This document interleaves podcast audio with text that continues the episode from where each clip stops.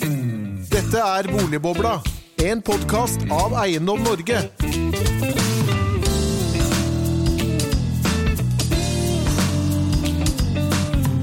Hjertelig velkommen til en ny episode av Boligbobla.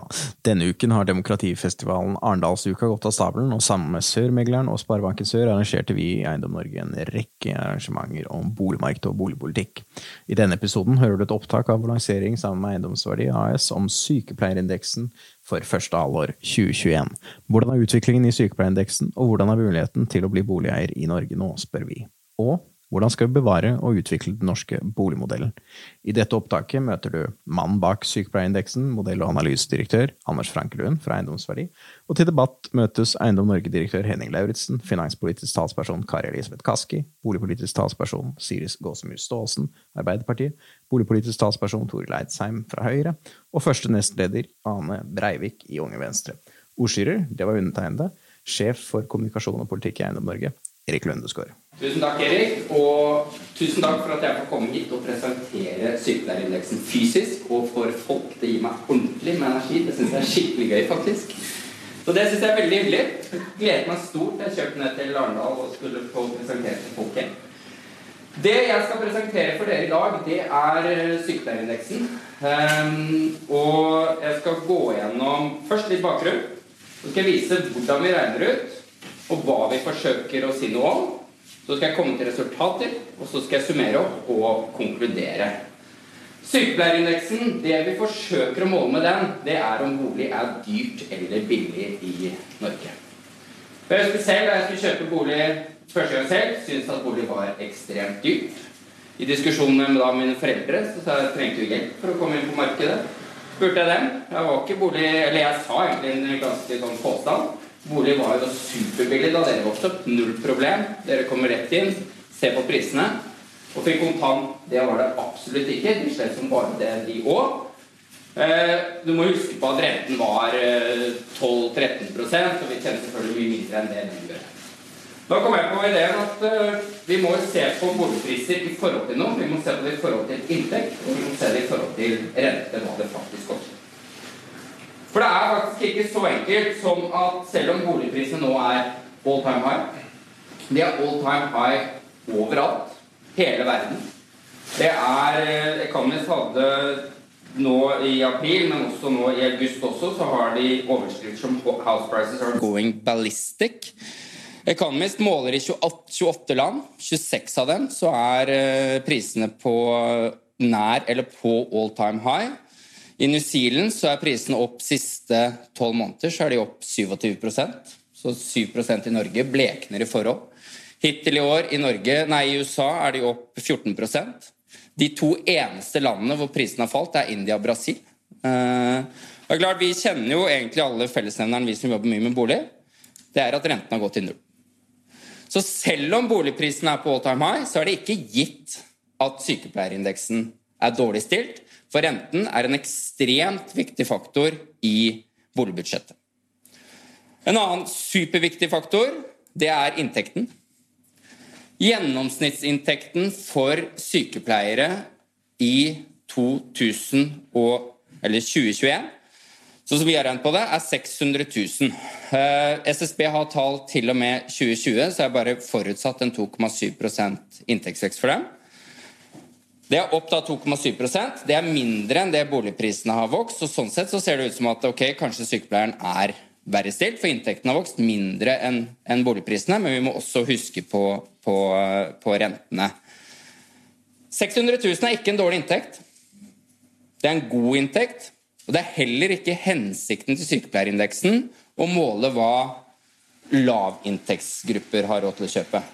Det som er vår påstand, er at vi ønsker å måle om boligpriser er dyrt eller ikke, ved å måle om normal til god inntekt kan kjøpe en tilstrekkelig andel av boligene i et område. Og så er påstanden vår at hvis de kan det, så er ikke boliger spesielt dyrt. Hvis de ikke kan det, så har byen eller området et boligprisproblem ved at boliger da ikke er tilgjengelig. For å finne ut hva som er boligbudsjettet til sykepleieren, så må vi Altså, boligkjøp lånefinansieres. Så vi må se hva får sykepleieren kjøpt, gitt gjeldende forskrift og normal bankpraksis. Og det er tre paragrafer som er viktige for sykepleieren. Det er betjeningsevne. Den er litt underkommunisert i debatten, men den er viktig. Alle norske boliglånsbanker skal stressteste kundene sine på 5 prosentpoeng påslag på, eh, fra gjeldende rentenivå, og det skal du kunne betjene. Så skal du ha en gjeldsgrad, den er blitt mye debatt rundt. Du skal ha en maksimalt fem ganger brutto inntekt, og så er det en belåningsgrad på maksimalt 85 Jeg skal gå gjennom eh, punkt for punkt. Ordlyden er finansforetaket skal beregne kundens evne til å betjene lånet basert på kundens inntekt og alle relevante utgifter, herunder renter og avdrag på lån og normale utgifter til livsopphold. I vurderingen av kundens betjeningsevne skal finansforetaket legge inn en renteøkning på 5 prosentpoeng fra det aktuelle rentenivået. Da må vi regne på det. Og vi Eiendomsverdi har veldig tett samarbeid med bankene, så vi vet også hvordan bankene regner på det. Da har du en brutto månedslønn på 50 000. Så er skatt, her vil jo rentefradrag osv. komme inn, så det er en litt sånn iterativ prosess. Men da er det ca. 10 000 i, i skatt. Netto lønn etter skatt er på 40 000. Så har vi forutsatt at studielån, strøm og andre faste kostnader er på 4001. Så har vi til forbruk så har vi lagt inn det som SIFO, altså Statens institutt for samfunnsforskning, legger til grunn, på 10 370 kroner. Så har vi lagt inn en buffer, for vi vet at bankene opererer med buffer. Så her har vi førstebufferen på 6000 i måneden. Og da sitter da sykepleierne igjen med 19 450 i kall det fri likviditet. Og da er spørsmålet hvor mye boliglån kan du få eller betjene på 19 450 per måned. Da må vi igjen tilbake. Vi må forutsette 6,75% rente. Og da kan du maksimalt betjene 3 millioner kroner, gitt at eh, rentenivået er på 6,75. Det koster deg 10 000 på dagens rentenivå, så de kan spare 9000 ekstra på det. Så her er det allerede en ganske solid buffer inne i regnestykket. Men så er det sånn at vi har en gjeldsgrad som sier at du maks uansett hva rentenivået er, uansett om rentenivået er null, null, så får du bare fem ganger brutto inntekt. Så sykepleieren med tre millioner, for det er 600 000 ganger fem, blir tre millioner, minus studielån som vi har forutsatt på 200 000, får da maksimalt lån på 2,8 millioner. Minste av det blir da 2,8. Så hvis vi da ser hvordan, Og så forutsetter vi 100% lånefinansiering. Det forutsetter vi da at uh, foreldre eller andre kan stille som, uh, som uh, kausjonister. Um, Hvis vi da ser på utviklingen i boligbudsjettet, så syns jeg det er interessant når vi ser tilbake til 2005, så har det nesten gått tregangeren. Det er egentlig veldig i tråd med det boligprisen har utviklet seg. Så jeg kan påstå at rente og inntekt har vært ekstremt viktige faktorer for boligprisutviklingen.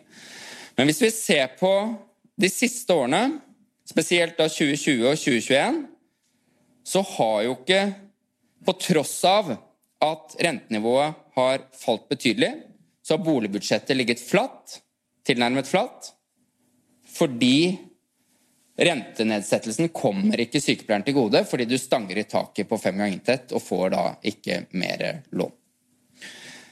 Resultatet av det, når boligprisene stiger, er at sykepleierindeksen i helhet har gått ned. I 2020 kunne sykepleieren kjøpe 32,6% av alle boliger omsatt i Norge.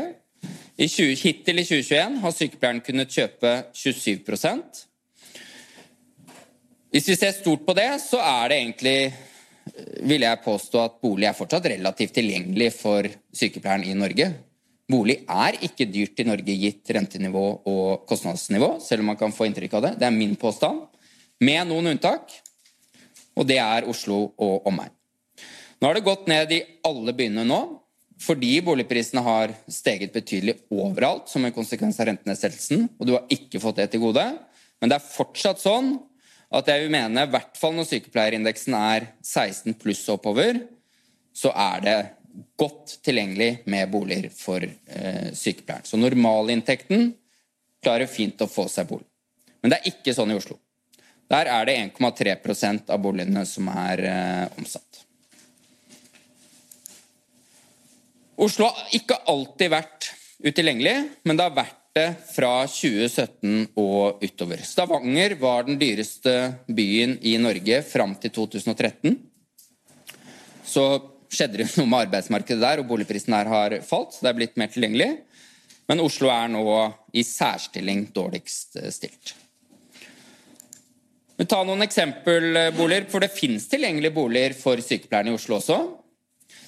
Men da er det Det du da typisk må kjøpe, er en 16 kvadratmeter i, um, hvis du ønsker å bo uh, sentrumsnært. Og da kan man jo diskutere om det er en rimelig eh, bolig antakelse på standard og, og, størrelse. 16 kvadrat er ekstremt lite. altså Da har du alltid ett, for å si det sånn. Hvis vi drar til et område hvor boligprisen er mer eh, rimelig Arendal. Da får du 120 kvadratmeter, en eh, enebolig, flott, eh, flott terrasse, eh, mange soverom. Det vil jeg definitivt mene er et flott sted å bo. Skal jeg avslutte med konsekvenser av Jeg var inne på dette med at når vi har en 5X inntekt og det, det er helt jeg, jeg skjønner Finanstilsynets bekymring rundt gjeldsveksten, så det er ikke det. Men jeg har lyst til å belyse bare konsekvensene for sykepleieren på, på 5X. Det er at vi har nå fått et varig negativt skift i Oslo. og det er 5X inntekt er også bare i spill i Oslo, for det er bare der prisene er høye nok for at den reelt sett får en eh, begrensende faktor. Så Man kunne jo, man kunne jo tenkt seg at hvis du innfører en lånebegrensning, så vil prisene flate ut. Eh, du vil ikke få samme prisvekst, og det vil du sikkert ikke. Eller sagt på en annen måte, Hvis du fjerner fem ganger inntekt nå, da, vil ikke prisen da bare gå i taket, og så er alle like dårlig stilt igjen om to år? Jeg tror ikke det, eh, fordi alle er ikke på grensen på fem ganger inntekt. Noen er det, men ikke alle. Og Vi ser det også her. Vi innførte det i 2017. Da fikk den et negativt skitt, og den har blitt værende der. Og det, Differansen her er egentlig jeg var inne på det med betjening mot fem ganger inntekt. Desto større gap det er mellom fem ganger inntekt betjen og betjeningsbegrensningen, desto, desto mer konsekvenser får 5X inntekt. Så hvis vi oppsummerer, så mener jeg fortsatt at sykepleierindeksen viser at bolig er billig i Norge. Men det har blitt mindre tilgjengelig enn det var, fordi prisveksten har vært større enn veksten i boligbudsjettet. Oslo omegn er til utilgjengelig for sykepleieren pga. høye priser og gjeldende regulering. Gjeldsgradsbegrensning har ført til varig negativt skift i sykepleierindeksen. Takk, Anders. Da skal jeg gi ordet til Norge-direktør Henrik Lauritzen. Vær så god. Tusen takk. Og jeg skal si noe om eh, utfordringer på boligmarkedet i Norge på 2020-tallet. Og aller først så syns jeg det er grunn til å lovprise eierlinjen i Norge. Det er jo en av de tingene som er virkelig bra. Vi vet at eierlinjen bidrar til å fordele formue mye mer demokratisk enn andre former for formue. Eh, vi vet at eierlinjen gir stor trygghet og stabilitet. Og så vet vi en ting som er ganske morsomt, og det er at push kan ikke skje i Norge. Mange har sikkert fått med seg filmen 'Push', om hvordan internasjonale kapitalfond kjøper opp utleieboliger og, og, på en måte jekker ut beboerne. Det kan ikke skje i Norge pga. den strukturen vi har i eiendomsmarkedet. De fleste eier jo sin egen bolig. De får man ikke gjort noe med. Og så har vi et litt spesielt leiemarked, i og med de fleste utleierne er eh, privatpersoner. 72 eh, Så har vi mange fine bestemmelser vil jeg si, i lovgivningen som, som bidrar til å opprettholde eierlinjen. Og nå sier Anders at det er ikke så mange steder bolig er dyrt i Norge. Det er også sånn at nordmenn betaler ikke så mye for å bo. Eh, hvis vi sammenligner oss med dansker eller svensker, så bruker vi mye mindre av disponibel inntekt for å bo. Og Det må man jo også si er et gode. Og så er jo selvfølgelig ikke alt eh, rosenrødt. jeg syns kanskje det siste bildet til Anders er en veldig god illustrasjon på det. Eh, hvordan vi har denne nedadgående trenden i spesielt det dyreste området i Norge, Oslo. Sykepleieren kan kjøpe 1% av boligene på en så god inntekt som 600 000 kroner. Og det gir jo åpenbart en risiko for at folk blir ufrivillige leietakere. Vi vet jo også fra SSBs siste tall fra i vår at andelen leietakere i Norge har steget med mer enn 1 de siste fem år, og spesielt i Oslo. Og her er det jo ikke helt unaturlig å spekulere at det kan være en sammenheng mellom det høye prisnivået og at flere blir nødt til å leie. Det vi også vet, det er jo at eh, blant disse utleieboligene så er det en del av dem som er sekundærboliger. Det er veldig mye debatt om sekundærboligene. Men det er jo viktig å være klar over at mange utleieboliger, og, og spesielt i de største byene, er heller ikke sekundærboliger som er eid av privatpersoner. Så skal man gjøre noe med disse tingene, så må man i hvert fall se hele bildet. Problemene er jo kanskje størst der vi har kombinasjonen av politiske flaskehalser som hindrer tilstrekkelig boligbygning. Forskning viser jo veldig tydelig at eh, det å bygge boliger når prisene stiger, det virker prisdempende. Blir det ikke bygd nok, så får vi en ekstra boligprisvekst. Og med denne kombinasjonen med boliglånsforskriften, så har jo resultatet blitt ganske sterkt i sånn som Oslo f.eks. Men jeg vil jo si se på Tromsø, se på Oslos omland. Situasjonen er også preget av at det er veldig vanskelig å komme inn uten kapital. Så vi kan jo på mange måter si at Oslo har blitt en by for de kapitalsterke. Eh, det er ikke noe vi behøver å advare mot at den blir i fremtiden. Det har den blitt. Og så er det nok sånn at alle vet at løsningen på dette problemet det er å sørge for at det blir flere boliger. Men ingen klarer å gjøre noe med det. Og det er en utfordring. Eh, det er også en ting som jeg syns er litt viktig å kommentere, og det er jo en diskusjon som har vært i politikken, som går på dette med å opprette en ikke-kommersiell tredje boligsektor. Altså prisregulerte utleie- eller eieboliger. Eh, om man skal gjøre det eller ikke, det er ett spørsmål.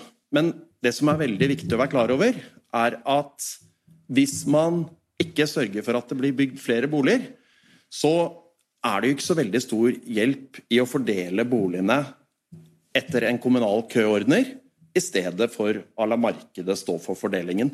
Utfordringen mange steder er jo at det ikke er nok boliger, og da spiller det ikke så stor rolle hvem som fordeler boligene. Boligbeskatningen den har diskusjonen allerede åpnet om. Vi hører om den i valgkampen.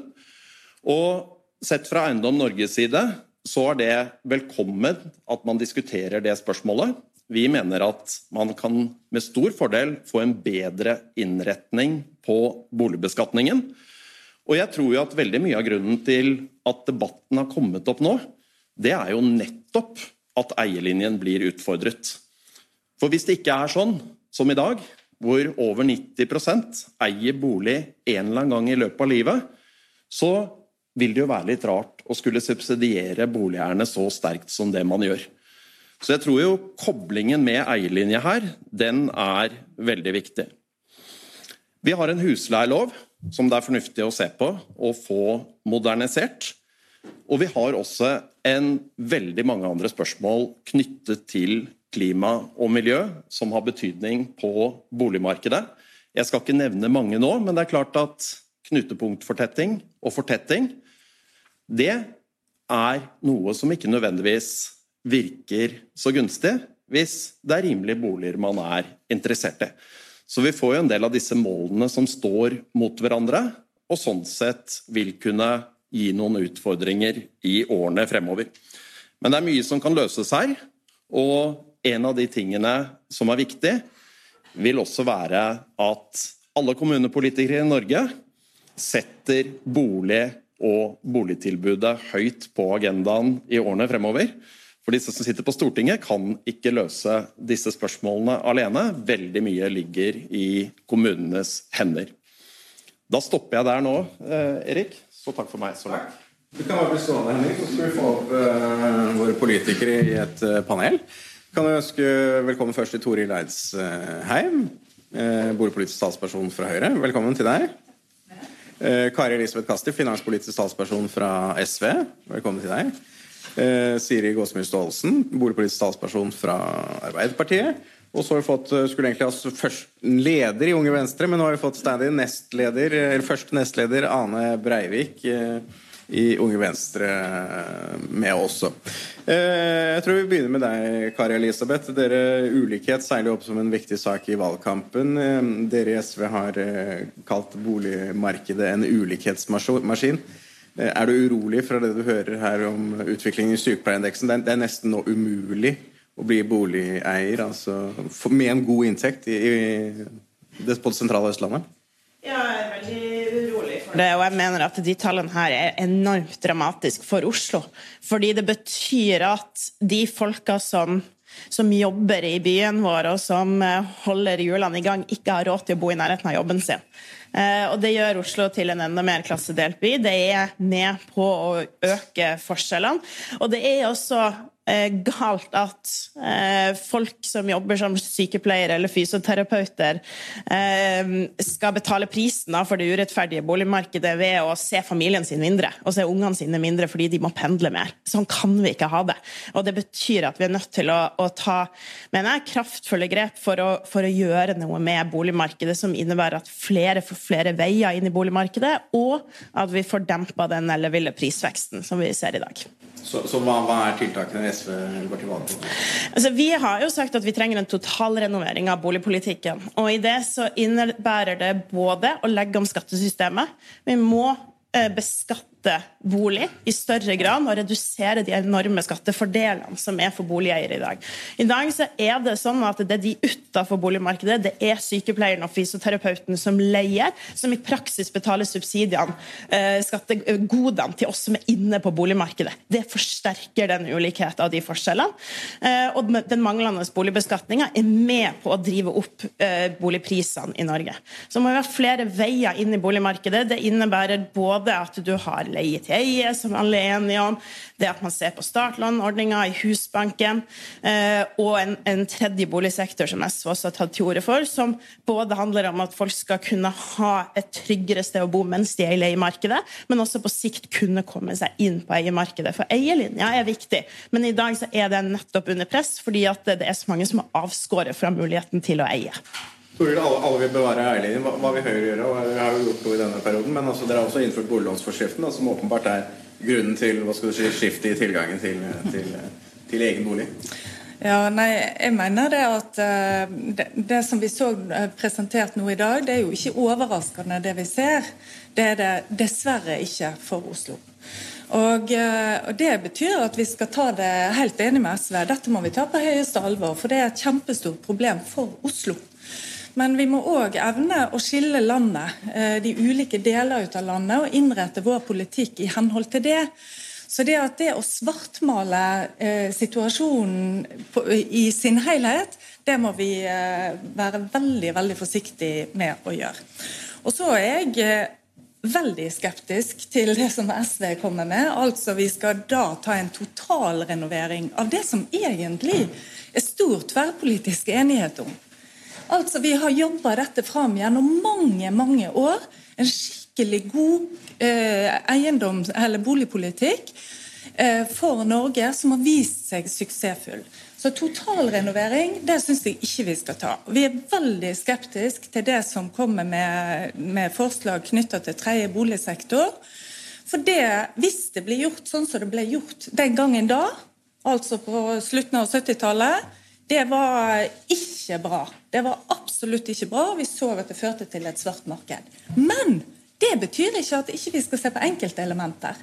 Og Det synes jeg at det må vi være åpne for. Vi må se på enkeltelementer, hvordan vi kan klare å innrette dette som bidrar til å treffe de målgruppene som vi faktisk er på jakt etter. Jeg mener vi har gjort mye, men vi kan helt sikkert gjøre enda mer. Men Oslo kommune har ikke gjort dette enkelt. De har innført noen retningslinjer som bidrar til å forverre situasjonen vesentlig. Siri, du, du, dere, du, er jo både representant for Oslo, og dere sitter jo også i byrådet her. Eh, hvorfor har dere ikke klart å bygge nok, da? Og hvorfor, hvorfor går det denne veien?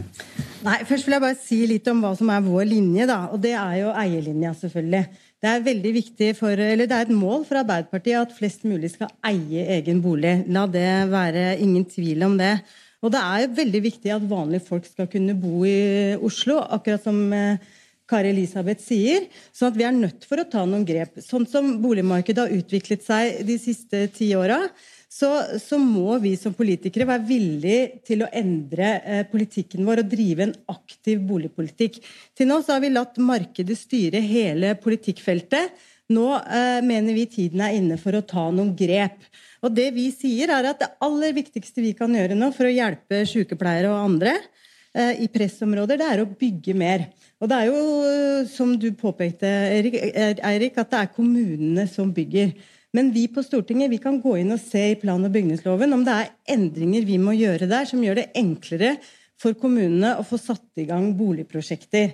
Og om det er knytta til tredje boligsektor eller knytta til eh, planprosessene, selve rundene med medvirkning, eh, dispensasjonsinstituttet Alt det sier vi at det vil vi gå gjennom allerede i dag én hvis vi vinner valget. Vi har sagt at vi må gå inn og finne kunnskap og fremme en boligmelding så fort som bare råd, hvor vi sier hva slags boligpolitikk vi mener er riktig for at flest mulig skal kunne eie egen bolig, og også kunne bo selvfølgelig nært der de jobber, som eh, Kaski sier. Så snakker vi om uh, Husbanken og startlån. Men jeg har lyst til å ta opp, før jeg liksom går inn i de grepene som vi har i vårt program, så jeg har lyst til å adressere en problemstilling som jeg tenker på, men som ikke vi har i programmet vårt. Og det er det som, uh, som blei sagt gjeldsgradens begrensning. Jeg har lyst til å snu helt på det. For det, det, en ting som jeg syns vi snakker for lite om, det er at bankene eier boligene våre lenger. Så når vi snakker om eierlinja nå, så tar det lengre tid fra unge folk kjøper seg en bolig, til de faktisk eier den selv. For 25 år siden så kunne man ha lån i 20 år, og så eide man boligen. Nå har vi eh, gjennom boliglånsforskriften sagt at det kan man bruke 30 år på. Og Det mener jeg at det er verdt å sånn, drøfte om er greit eller ikke. Og det er jo også det med at man kan låne, kunne låne tre ganger inntekten mot fem ganger inntekten nå, som gjør at vi unge folk nå bruker jo, binder jo opp mye mer av fremtidig inntekt på betalende boliglånet enn det generasjoner før gjorde. Så det er i hvert fall et sånt dilemma som jeg syns vi snakker eh, altfor lite om. da. Men, eh, men eierlinja er viktig. Jeg syns også det med eh, tredje boligmarked er spennende, men for Arbeiderpartiet så sier vi at det skal være et substitutt vi, kan, vi syns det er helt supert med prosjekter, eh, leie-til-eie-prosjekter i kommuner, og, og, man har forskjellige modeller for det. Vi har sagt i statsbudsjettet at vi ønsker å bruke midler på at Husbanken skal utvikle modeller for leie-til-eie-markedet. Eh, men i utgangspunktet så er det eierlinja som er viktigst for oss, og en tredje boligsektor skal da bare være et substitutt for å bidra og hjelpe noen. Vi må få inn siste, siste, siste, kvinne her i panelet også. Ane, Ane Breivik. Altså, vi hører jo Kaski vil jo totalrenovere boligpolitikken. Altså, dere i Unge Venstre er jo strengt tatt ikke langt fra, fra dette. Og, og moderpartiet eh, Venstre har jo også nå vedtatt at dere vil fjerne rentefradraget. Hvorfor har dere gått denne veien her? Altså Mye fungerer jo veldig bra i boligpolitikken også, selv om det er åpenbart en, noen skjær i sjøen. Jeg kan jo starte med å kommentere sykepleierindeksen, jeg også. For i likhet med de andre i panelene, så synes jeg ikke dette er overraskende tall, jeg heller. Fordi det er jo nettopp slik dagens ordning fungerer. Det som er galt med dagens ordning, det er at de fleste fordelene det slår inn etter du har tatt opp lån, etter du har kjøpt bolig. Det betyr at det ikke hjelper folk med å komme inn på boligmarkedet. Tvert imot så hjelper det bare folk som allerede har en fot inne. Og vi må gjøre noe med den forskjellsbehandlingen av folk som er på innsiden og folk som er på utsiden. Det er derfor Venstre har gått inn for å fjerne eh, rentefradraget. Og så er det jo andre virkemidler vi også kan ta i bruk for å hjelpe flere unge inn på boligmarkedet, bl.a. å fjerne egenkapitalkravet for førstegangskjøpere, f.eks. Jeg kan jo si også til eh, konseptet om en tredje boligsektor. Jeg er ikke nødvendigvis en prinsipiell motstander av det, men jeg tror rett og slett ikke det er tilstrekkelig for å dekke den etterspørselen etter boliger. Vi må ha kraftigere virkemidler til. Fordi med en tredje boligsektor så kommer man ikke til å dekke det utbyggingsbehovet som etterspørselen tilsier. Da må man ha et ekstremt stort volum, og det kan ikke det offentlige eh, ha dersom man skal nedsette det. Henning, jeg tror jeg skal dreie deg. Altså, er, er, det mulig i det hele tatt, altså fysisk mulig å bygge en eh, tredje boligsektor? For det, for det første, og for det andre rentefradraget. Er det en god idé? ja, nei, Som jeg var inne på, så vil det være veldig store problemer med en tredje boligsektor hvis den kommer på bekostningen av den ordinære boligbyggingen. Vi kan ta Oslo som eksempel. og Så kan vi tenke oss at vi trenger 5000 nye boliger i året. Men det er bare bolig til 4000 husstander. Og hvis det fortsatt er sånn at det bare lages bolig for 4000 husstander med en tredje boligsektor, da vil vi jo få det sånn at det fortsatt er 1000 som ikke får bolig. Men noen av de som kommer inn, vil jo få dem fordelt via en tredje boligsektor på en annen måte enn markedet. Det ser jeg på som en veldig stor utfordring på det området. Hvis man skal få til noe på det området, så må man klare å bygge i tillegg til det som allerede bygges i dag. Eh, det vi f.eks. vet fra utleiemarkedet i Berlin, er at når man prisregulerte deler av markedet, men ikke det hele, så gikk prisen kraftig opp i den uregulerte delen av markedet. Sånn at man skal vokte seg vel for å gå inn og regulere deler av markedet. For boligmarkedet er jo sånn at trykker man et sted, så tyter det et annet sted. Men, men Kari, altså, Dere har jo nå snakket om tredje boligsektor i byrådet i Oslo, da, som dere er en del av, og det er nasjonale planer for det også. Hvorfor kunne dere ikke da kjøpe la oss si 100 leiligheter her, 100 leiligheter her? Altså Oslo kommune da, som snakker om det, er jo allerede en enormt stor eiendomsbesitter. Også, selv om det er en stor store investeringer på vann, som vi vet, så er Oslo kommune en ganske rik kommune også. og Hvorfor har dere ikke gjort, gjort noe og det for å utvide tilbudet, rett og slett? Nå er jo Oslo-byrådet i gang i samarbeid med Obos, og jeg tror at det er viktig at når man ruller ut en tredje boligsektor, så kan vi ikke fra Stortingets side liksom vedta hvordan den skal se ut, for det må skje lokalt. Eh, og det må skje i samarbeid med, med eh, de boligbyggelagene, boligstiftelser, som, som, allerede er der. Eh, mener jeg er kjempeviktig, sånn at det tilpasser de ulike lokale utfordringene. Og det vi foreslår fra nasjonalt hold, er å endre plan- og bygningsloven for å gi kommunene nettopp flere virkemidler og rom til å, å drive boligsosial politikk, for det har man for lite av i dag. Eh, og så er det klart at når du ser utleiemarkedet i Oslo i dag eh, og der er det mange, og totalt sett i Norge er det en million så tror jeg vi må ta inn over oss at heller ikke det fungerer godt.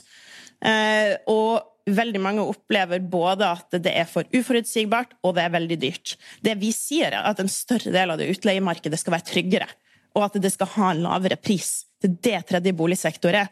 Så når eh, Obos, da, for å bruke det som eksempel på den andre veien, bygger en, eh, har en stor utleieleilighet, eller stor utleieblokk på Ulven i Groruddalen som skal leies ut, så sier vi at der burde 10% av de vært en del av tredje boligsektor.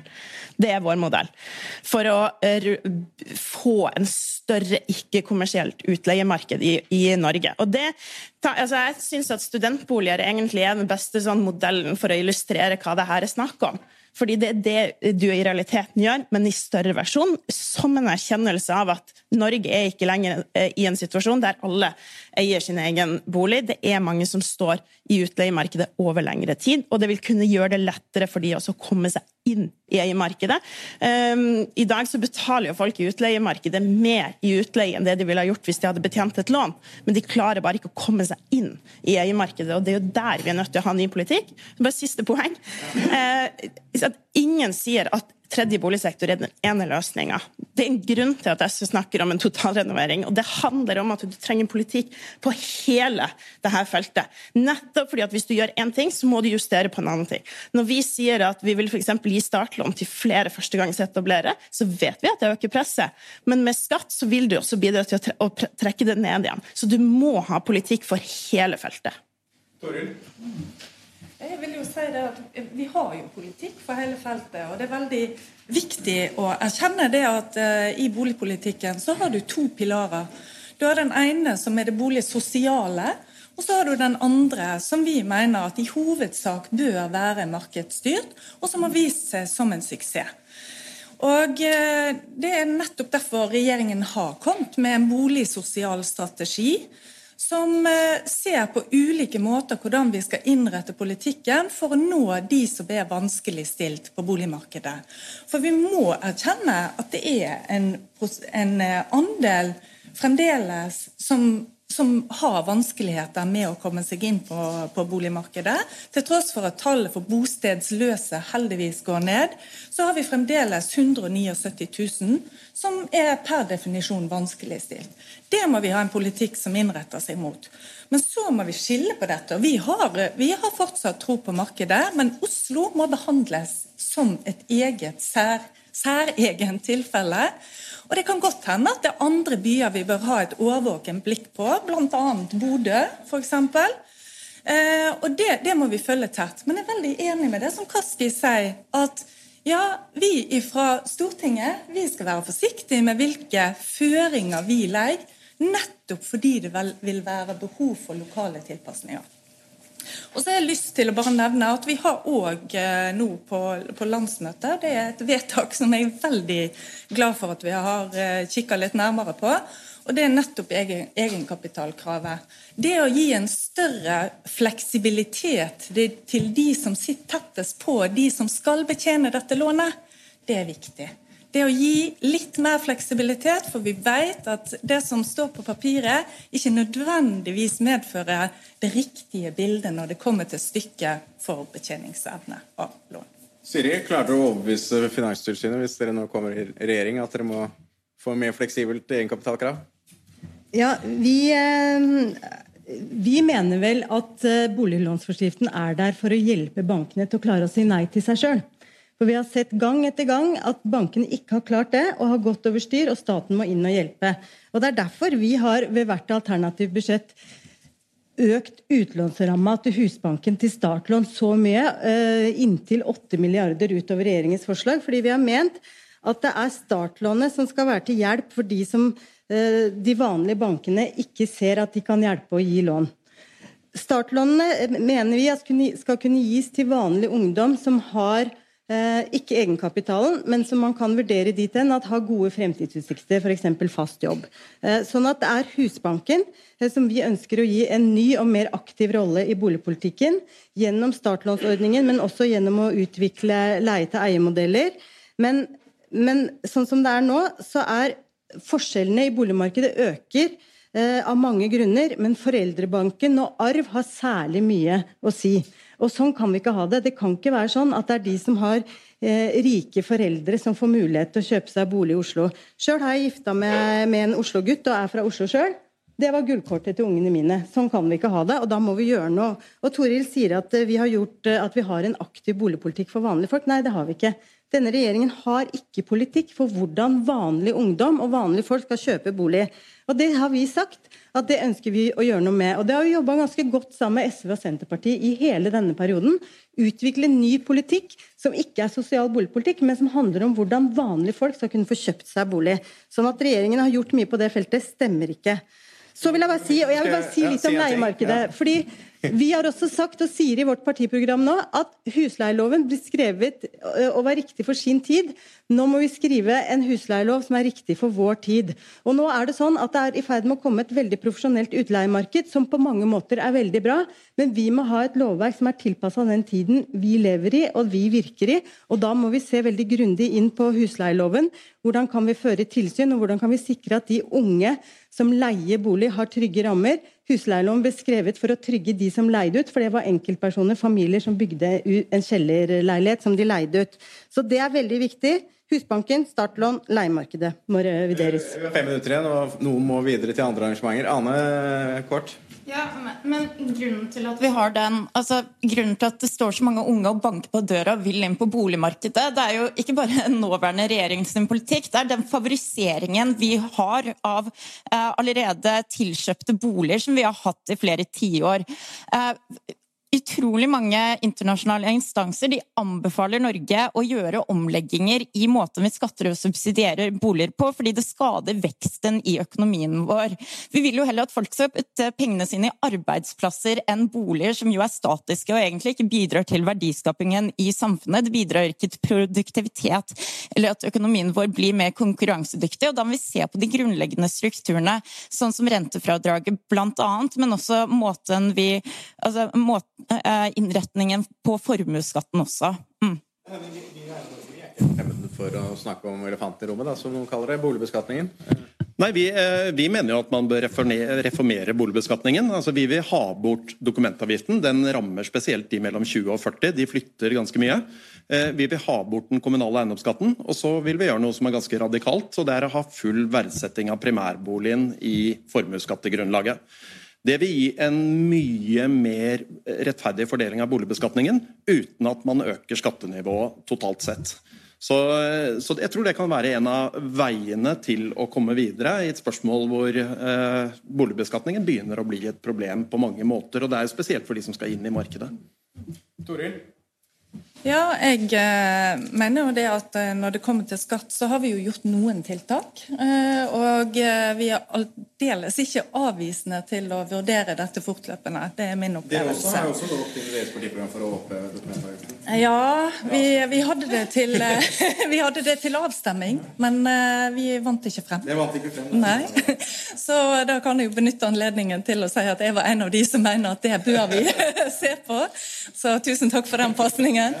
Men, eh, men, eh, som sagt, jeg mener det at eh, ja, vi er villige til å se på, på skatteinsentiver. Og blant annet så er formuetaksten på boliger den er heva, og formuesskatten den er senka, og verdsettelsesrabatt på aksjer er innført. Og dette i sum det bidrar jo nettopp til det som Arne er inne på, at det blir bedre insentiver for at man òg skal investere pengene sine i noe som kanskje gir enda mer verdiskaping for samfunnet enn det å investere pengene i bolig.